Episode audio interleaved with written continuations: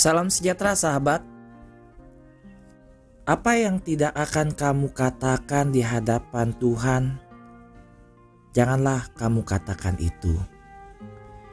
Karena sesungguhnya kamu ada selalu di hadapan Tuhan sepanjang waktu.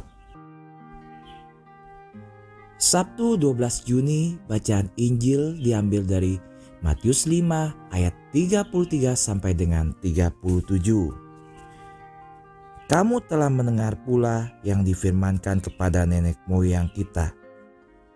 Jangan bersumpah palsu, melainkan peganglah sumpahmu di depan Tuhan. Tetapi aku berkata kepadamu, janganlah sekali-sekali bersumpah baik demi langit, karena langit adalah tata Allah walaupun demi bumi, karena bumi adalah tumpuhan kakinya, ataupun demi Yerusalem, karena Yerusalem adalah kota raja besar.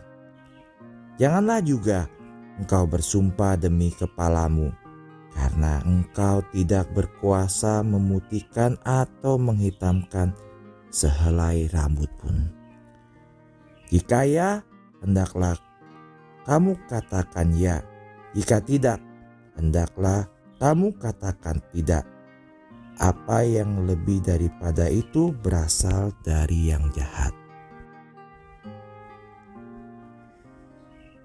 Tuhan kita sangat jelas tentang bahaya tidak melatih lidah sahabat. Ini bukan tentang menemukan batasan antara kata-kata vulgar, kata-kata kasar, dan penghujatan. Santo Rasul Yakobus menjelaskan dalam suratnya pentingnya menjindakan lidah dengan sebuah contoh sebuah kapal. Meskipun kapal itu begitu besar dan didorong oleh angin kencang mereka tetap dipandu oleh seorang nakoda. Begitu juga lidah adalah anggota kecil. Namun dia membanggakan hal-hal besar Betapa hebatnya hutan yang dibakar oleh api yang sekecil itu. Inilah pengajaran pertama dari Injil hari ini. Untuk memikirkan tentang seksama apa yang kita katakan sebelum kita mengatakannya sahabatku. Tapi ada poin kedua. Bagaimana tentang mereka yang menghujat dan mengatakan hujatan di depan kita.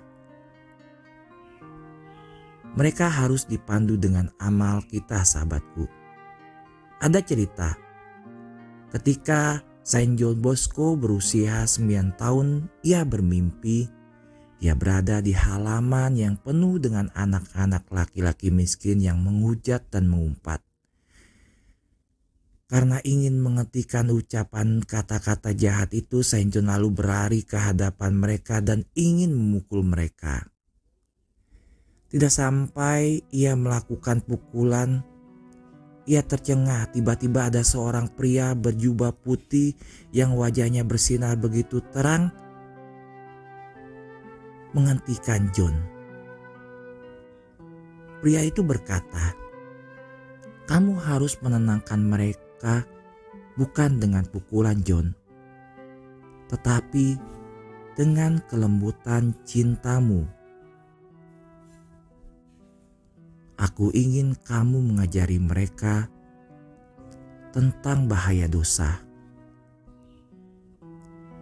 Ketika orang mengucapkan kata-kata buruk, kita tidak bisa hanya diam, sahabat. Maria perawan yang paling bijaksana. Bantulah aku untuk menyinakan lidahku dan mengajari aku menemukan cara untuk membantu orang lain melakukan hal yang sama. Bunda Maria harapan kita dan tata kebijaksanaan, doakanlah kami.